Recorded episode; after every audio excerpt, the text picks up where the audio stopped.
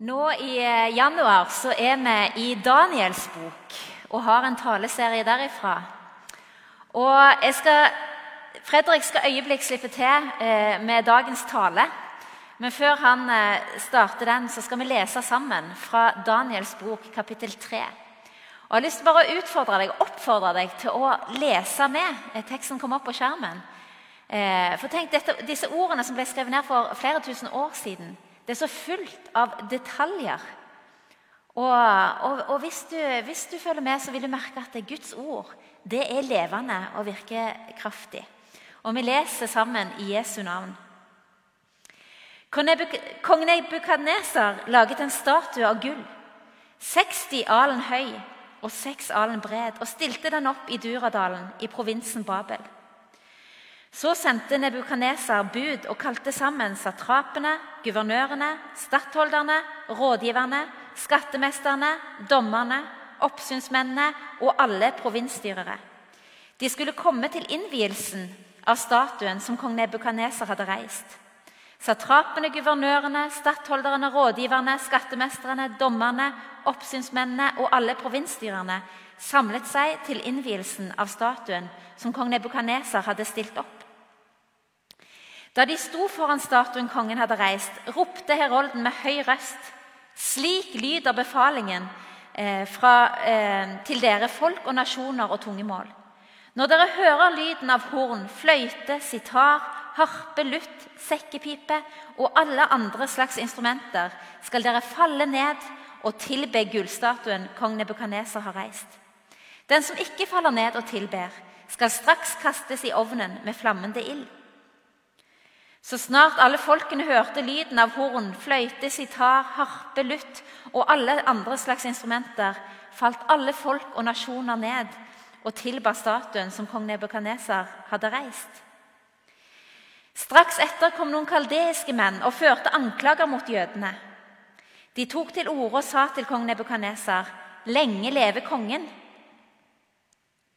Konge, du har gitt påbud om at alle som hører lyden av horn, fløyte, sitar, harpe, lutt, sekkepipe og alle andre slags instrumenter, skal falle ned og tilbe gullstatuen, og at den som ikke faller ned og tilber, skal kastes i ildovnen med flammende ild.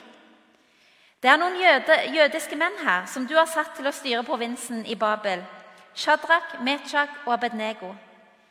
Disse mennene bryr seg ikke om påbudet ditt, konge. De dyrker ikke din Gud og tilber ikke statuen som du har stilt opp. Da ble Nebukadnesar rasende.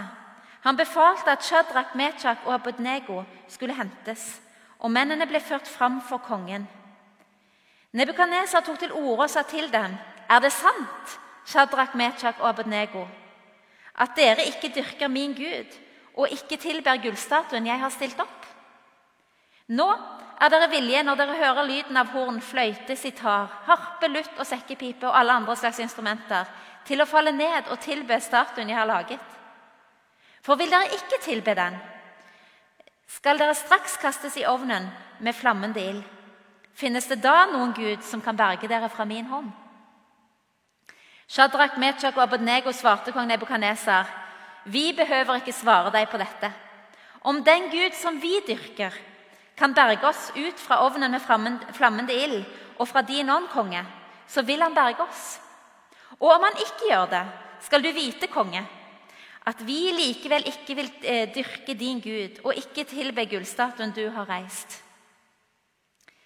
Da ble Nebukadneser fylt av slikt raseri mot Shadrach, Mechak og Abednego at ansiktet hans ble helt fordreid. Han befalte at ovnen skulle gjøres sju ganger så varm som vanlig, og at noen soldater fra hæren skulle binde Shadrach, Mechak og Abednego og kaste dem i ovnen med flammende ild. Så ble mennene bundet og kastet i ovnen med flammende ild, med kappene, buksene, luene og de andre klærne på seg. Fordi ovnen etter kongens strenge befaling eh, var så sterkt opphetet, ble de som førte Shadrach, Mechak og Abednego opp, drept av flammene fra ilden. De andre tre mennene, Shadrach, Mechak og Abednego, falt bundet ned i ovnen med flammende ild. Da ble kong Nebukadnesar forskrekket. Han reiste seg brått og spurte rådsherrene sine. Var det ikke tre menn vi bandt og kastet ned i ilden? Jo visst, konge, svarte de. Han sa, men jeg ser fire menn gå fritt omkring i ilden, og det finnes ikke skade på dem. Den fjerde ser ut som en gudesønn. Nå gikk Nebukadneser bort til døren i ovnen med flammende ild og ropte, Shadrach, Mechach og Abednego, dere tjenere for Gud. Den høyeste, kom ut hit. Da kom Shadrach, Mechach og Abednego ut av ilden. Satrapene, guvernørene, stattholderne og kongens rådsherrer stimlet sammen, og de så at ilden ikke hadde hatt makt over kroppene til disse mennene. Håret på hodene deres var ikke svidd, kappene var ikke skadet, og det luktet ikke brent av dem. Da sa Nebukadnesar, velsignet er Shadrach, Mechach og Abednegos Gud, som har sendt sin engel og berget sine tjenere. De satte sin lit til ham og trosset kongens befaling. De våget livet for å slippe å dyrke eller tilbe noe annen gud enn sin egen. Og nå gir jeg dette påbudet. Om det i alle folk og nasjoner og tungemål finnes noen som håner Shadraks, Mechaks og Abednegos gud, skal han hugges i biter, og huset hans skal legges i grus. For det finnes ingen annen gud som kan redde på denne måten. Og kongen ga Shadrach, Mechak og Abednego høye stillinger i provinsen Babel.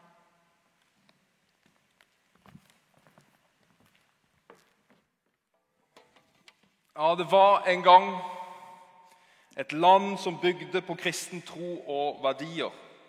Kirkeklokkene sang, det vekka engasjement, og det, det vekka tro.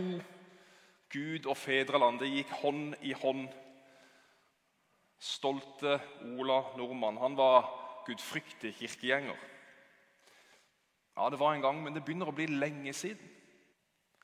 Vi lever nå i en sekulær og pluralistisk kultur. Altså tro og livssyn det hører privaten til. Det er noe personlig. La det forbli der. Og samfunnet blir stadig mer og mer multi- og flerreligiøst. Samtidig så går færre og færre i kirken. Human-Etisk Forbund sier at tre av ti nordmenn tror på Gud. Så man kan fort tenke at Gud er død, religionen er død. Men så enkelt er det ikke. Religiøs er ikke religiøsitet er kanskje ikke så inn, men åndelighet ja, det er noe annet. Nordens største trendekspert, Stefan Nilsson, han er visst svensk, han, han sier at vi står på terskel til en enorm wellness-bølge. Altså Der sjelelig helse og velvære vil være i fokus. Så åndelighet ja, det er neppe dødt. Men vi er pluralister. Pluralisme i samfunnet regjerer. altså Vi tror på et mangfold av livssyn og kulturer. Og Derfor så stiger spenningen veldig fort når noen sier at de har funnet sannheten. For sannhet, ja, den er relativt. For å hevde at du tror på den ene og sanne Gud, det vil være å være intolerant. Da er du intolerant, for sannheten er relativ. I moderne Norge så gjelder det å være fleksibel. Ah, men det er ikke alltid så lett. Og Derfor så blir gjerne mennesker i vårt samfunn de blir litt sånn stressa av kristne når de hevder å ha funnet en sann Gud. Og ikke minst så kan vi bli litt så stressa som kristne av å leve i dette i denne kulturen og i dette samfunnet vi lever i. Så hvordan skal vi som kristne leve i den moderne Norge? Og Det er akkurat denne spenningen her. Samme spenningen Daniel og vennene hans befinner seg i når jødene er bortført fra eh, trygge Jerusalem. Jødenes, eh, altså Hjertet av den jødiske tro. De er bortført til Babylon, bordellet for alle slags religioner og livssyn. Elisabeth leste nettopp fra kapittel 3 og um, Vi skal se litt på dette her med intoleranse, eller toleranse i dag, og hva denne her historien kan læres om det. For hva er denne gullstatuen som Nebukadneser har reist, og som befaler at alle må bøye seg for? Det står jo faktisk ikke hva han representerer. Ja, det kan være Nebukadneser. Mange vil si det, sånn som jeg talte om sist søndag. Men mange vil også mene at dette er et bilde på en babylonsk gud. Ja, Men altså, ingen navn er gitt i teksten. Men vi får et hint i vers 14, eh, der kongen spør mennene hvorfor dyrker dere ikke min Gud og tilber ikke gullstatuen. Altså, Egentlig så er det litt sånn åpent hva det er. Derfor så vil noen si at statuen representerer Babylons guder i flertall. En statue som et symbol på Babylons makt og kultur. Og Strategen Nebukadneser han visste jo at alle mennesker han bortførte til denne byen, de kom med sine egne religioner og sine egne, sine egne guder. Og krevde han nå at alle skulle oppgi sine guder til fordel for hans guder? Nei, han gjør ikke det. Man kan la seg lure og tenke sånn, men kilder sier f.eks. At, at jødene fikk praktisere sin tro. Men kongen krever, i tillegg til din egen gud, så må du bøye deg for denne statuen. Hvorfor? Jo, fordi ingen gud skulle ha eksklusivitet. Nei, tilbe hvem du vil, så lenge du ikke påberoper deg sannheten om den ene sanne Gud. Ok? Det er jo klart hvorfor han vil ha det sånn. Nebukadneser vil ha et stabilt rike. Denne strategen han er ute etter et lim som kan måtte, holde riket sammen med så mange forskjellige folk. Men hvis da noen gjør monopol på sannheten, så kan denne freden fort slå sprekker. Og Derfor er kongen mest sannsynlig ute etter religiøs pluralisme. Han vil ha toleranse, han vil ha fleksibilitet, ikke sannhet. Nebukadneser er ganske up to date. Jo, fordi flere av den nyere tids filosofer de reflekterer på samme måten. Karl Popper, eksempel, en veldig kjent kar. Han sier at hvis du tror at Gud er, din Gud er veien, sannheten og livet, for å si det på bibelsk måte, ja, da er du intolerant. Og du kan i verste fall være en fare for et fritt og åpent samfunn. For monopol på sannheten kan få det og få oss til å føle at vi har rett til å påføre andre vår tro. Og Da sier han at i ytterste konsekvens så fører det da til at du er totalitær. Så ser du hvorfor det moderne samfunnet er skeptiske til kristne. Og ser du alvoret av det? Og ser du hvorfor vi som kristne kanskje er litt skeptiske til, eller urolige eller prøver å finne fotfeste i denne nye kulturen som kommer. Det interessante er at mest sannsynlig og tydeligvis så ser vi kristne ulikt på hvordan vi skal tilnærme oss denne kulturen, og hvordan vi lever. Og Derfor må vi gi skeptikerne til oss noe rett. For i noen kristne miljøer der lukter det litt totalitært. Ja, De tror kampen om, kristen, om gamle Kristen-Norge det står på Stortinget. Politisk maktkamp står sentralt. Vi ser det for godt i miljøet rundt president Trump i USA. Og ikke minst vil jeg si at Vi sliter med dårlig rykte for en forferdelig kirkehistorie. Der både korstog og inkvisisjon er en stor del av det. Og Det, ikke, det lukter ikke bare totalitarisme, men det stinker av det. Vår kirkehistorie. Så kan du tenke ja, jeg er så enig, pastor. De folka der de er helt håpløse. Det går ikke an. Åh, oh, for noen kristne det er. Men kanskje er du kjørt helt i andre grøfter, der det kanskje ikke er like mye kampvilje. For stadig flere kristne så vil det være vanskelig å hevde at de har rett tro. Spesielt i møte med venner og kjente som tenker annerledes. For færre og færre har lyst til å skille seg ut vi har ikke lyst til å bli oppfatta som intolerante. Ja, Vi tenker kanskje at ja, ja, det viktigste er jo at folk bare har det bra med seg sjøl. Det er jo tross alt det viktigste her i livet. Så da er det kanskje ikke så nøye hvilket livssyn de har. Ja, Kanskje er det flere veier til Gud allikevel. Altså, Vi begynte å tøye og føye for å bli mer og mer fleksible og tolerante for å møte samfunnet. Den religiøse pluralismen i Norge den preger oss kanskje mer enn det vi liker å tro. For samfunnet presser på med toleranse. Ja, bøy dere for gullstatuen. Men vent. Vent. Hvis vi i toleransens navn mener at kristne ikke burde overbevise andre om sin tro Hvis vi mener at det er å presse på annen kristen tro Er du som mener det, da noe mer tolerant? Gjør ikke du egentlig akkurat det samme? Du påtvinger jo like mye ditt eget syn på kristne. Forskjellen er bare at du har et annet livssyn eller en annen virkelighetsforståelse. Men på hvilken måte er du mer tolerant? Og er man virkelig intolerant, eller i verste fall totalitær? Blir man det av å tro på Jesus og si at han er veien, sannheten og livet? Er det sånn? Nebukadneser i denne historien han er, jo, han er tross alt et veldig dårlig eksempel. Det virker som at han kommer til tro. Han velsigner jo eh, Shadrach, Meshach og Ab Abednegos Gud. Han blir så imponert over den kraften han er vitne til i denne ildovnen. Så han sier liksom at de som sier noe negativt om deres Gud, ja, da skal vi drepe dem og rive huset. Og... Ja, Det er i hvert fall å være totalitær, for å si det sånn. Og det å høres det å være kristen kan høres så intolerant ut. Vi som tror på én sann Gud. Ja, Det høres så totalitært ut på overflaten. på en måte.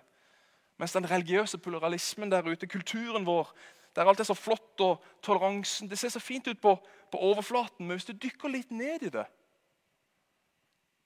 så er det ikke så veldig tolerant. Men hvis du derimot dykker ned i den kristne sannheten den kristne tro, så vil du finne en enorm toleranse. For hva er denne sannheten som vi påberoper oss, og som er så viktig for at mennesker bare må få høre og forstå? Hva er den sannheten? Jo, det er jo Jesus på korset. Guds sønn. Ja, han som hadde all autoritet. Han kom som en tjener. Han rir ikke til hest som Napoleon. Nei, han rir på et esel. Han lider og dør for de mennesker som var imot ham. Ja, sannheten med stor S er han som ga sitt liv for sine fiender. For at de igjennom han skulle få erfare hva det var å leve som et Guds barn. Og hvordan i huleste heiteste kan en som lever for den sannheten, ende opp som totalitær og være intolerant? Hvordan er det mulig? Da tenker jeg, da har du ikke forstått budskapet. De er som Nebukadneser. De sier de tror, de hyller han, men de kjenner han ikke. Ja, så Hvordan skal vi leve i dette samfunnet, da? Hva gjorde disse mennene, Shadrach, Meshach og Abednego, når de ble bedt om å bøye seg for gullstatuen? Ja, Da gikk de til avisene. De lagde store overskrifter. De skrev lange innlegg på verdidebatt.no. Ja, De skrev lange innlegg på Facebook, de la seg i lenker i gatene. Nei, de gjorde jo ikke det. Det var de andre astrologene i byen der som starta bråket da de plutselig ikke møtte opp på den plassen der. Disse mennene de gikk ikke til forsvar. De gikk ikke inn i argumentasjon og krangel engang. Hva gjorde de i vers 16? Når de får spørsmål hvorfor bøyer dere ikke for statuen? Konge, vi behøver ikke svare deg på dette. Det høres arrogant ut. Nebukadneser han fråder om munnen, han skriker. Og Likevel så svarer de han høflig i en helt annen ånd. Ja, ikke minst, de lever ut det de tror på. Ja, nå sier jo ikke jeg at ikke det er plass til argumentasjon og trosforsvar. Åh, Jeg elsker apologeter, og vi må ha flere av de. Det er så viktig. Men 95% av tida så er den beste måten å drive trosforsvar på, det er å leve ut det kristne livet. Det er å ta Jesu alvor på livet. Det er Jesu ord på alvor i livet ditt. Når det bare blir ord, vet du, da er det ingen som hører. Det er som Jakob sier i Jakobs brev. En tro uten gjerninger er en død tro. Jeg lurer på om dette er noe av vår tids største utfordring for oss som kristne. Å faktisk leve og ikke bare snakke om det. Og Jeg kjenner jeg er så skuffa. Nå, nå, skal vi ikke felle dommen, men f.eks. kanskje vår tids største apologet, Ravi Sakarias, som har vært mitt store forbilde, døde i fjor i kreft. Og Bare noen måneder etter hans død så kommer beskyldningene om hva han har gjort med kvinner. Seksuelt vært en sjarlatan og eh, utnytta kvinner på det verste. Hvis det er sant, Noe som familien hans antyder mest sannsynlig stemmer. Ja, da har vi det. Det er livet som teller, ikke hva du sier. Den beste måten å forsvare Jesus på. Om man i det hele tatt trengs å forsvares, altså det leve ut det livet han kaller oss til å leve. Den beste måten å bevise at du har sannheten på, det er å følge Jesus. Du vet, Den første betegnelsen eh, av, av kristne i Jerusalem, de første kristne, de ble omtalt som de som følger veien. De som følger veien. Ja, Fantastisk. Det var ikke de som kjemper med nebb og klør. Det var de som følger veien, altså Jesu vei. I den kristne tro er det så enormt mye toleranse. Ja, Det er mye mer enn toleranse. Det er, det er Jesu grensesprengende kjærlighet. Vi elsker og er kalt til å elske alle mennesker, uansett rase, kjønn, seksualitet, ja, politisk ståsted, religion. Vi har ingen fiender av kjøtt og blod. Vi har ingenting å frykte. Ingen makt eller myndighet kan skille oss ifra Guds kjærlighet. Vi trenger ikke kjempe med nebb og klør. Vi trenger ikke kjempe for rettigheter. Vi trenger ikke kjempe for makt, fordi Jesus gjorde jo ikke det. Jesus gjorde ikke det, men han var en tjener. Han var en som lytta til sin far, som sa 'elsk dine fiender, elsk dine motstandere'. Tjen de som forfølger deg. Vend det andre kinnet til, for det er bare min kjærlighet, sier Gud, som kan forandre et menneske. Hm. Jesus gir oss en enorm, enorm tålmodighet med mennesker. Og de som følger han, ja, de som legger ned sine liv, de vet at det til syvende og sist det som forandrer et menneske, det er ikke det totalitære, ovenfra og ned, med lov og makt og regler. Nei, det som forandrer et menneske, et samfunn, et land, en verden, det er å møte frelseren Jesus. For han kommer unnenifra som en tjener. Han bærer og tar vår skyld og skam. Og Det er det som forandrer oss. Det er bare så utrolig umenneskelig.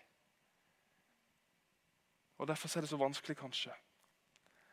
Shadrach, Meshach og Abednego, deres ord i vers 17 og 18 er for meg noe av det sterkeste i Bibelen. Der står det Og den Gud som vi dyrker, kan berge oss ut fra ovnen med flammende ild, og fra din hånd, konge, så vil han berge oss.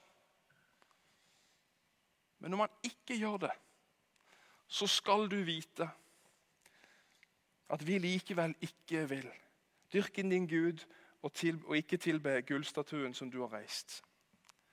Jeg tenker, For en tro, for en hengivenhet til Gud. De bøyde ikke av. De lot seg ikke skremme om kravet av toleranse og fleksibilitet. Ja, bli som alle andre. Nei, de sto fast i sin tro. Og hva var resultatet av det? Jo, det var et enormt vitnesbyrd som førte til at det ble demonstrert hvor sann den guden var. Og jeg tenker at Det må være vår utfordring i dag. La oss trofast følge Jesus. Så vil han ved sin ånd gjøre ja, meg og deg til et vitnesbyrd i dine omgivelser. Men dessverre så er jo ikke det den enkleste vei. For vi må alle gjennom ildovner i livet. Vi vil alle gjennom smerte. Ja, du kan bøye av, som kulturen forventer at du skal gjøre. Det kan være en lettere vei. Men velger du å stå, så vil vi erfare, akkurat sånn som disse mennene, og som Nebukadneser Og jeg siterer at det finnes ingen annen Gud som kan redde på denne måten. Og det er så sant. Ingen er som Jesus. Nei, ingen er som Jesus. Så Derfor så trenger vi ikke være redd midt i all usikkerhet, i bekymring, i uro, midt i all din smerte i din håpløshet, ja, midt i din ildovn, så let ikke andre steder. Ikke inn i andre religioner eller livssyn. Ikke inn i deg sjøl engang. For den freden du lengter etter, den har et navn. Og han heter Jesus.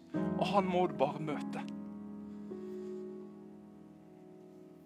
Våg å stå som Daniel og vennene hans.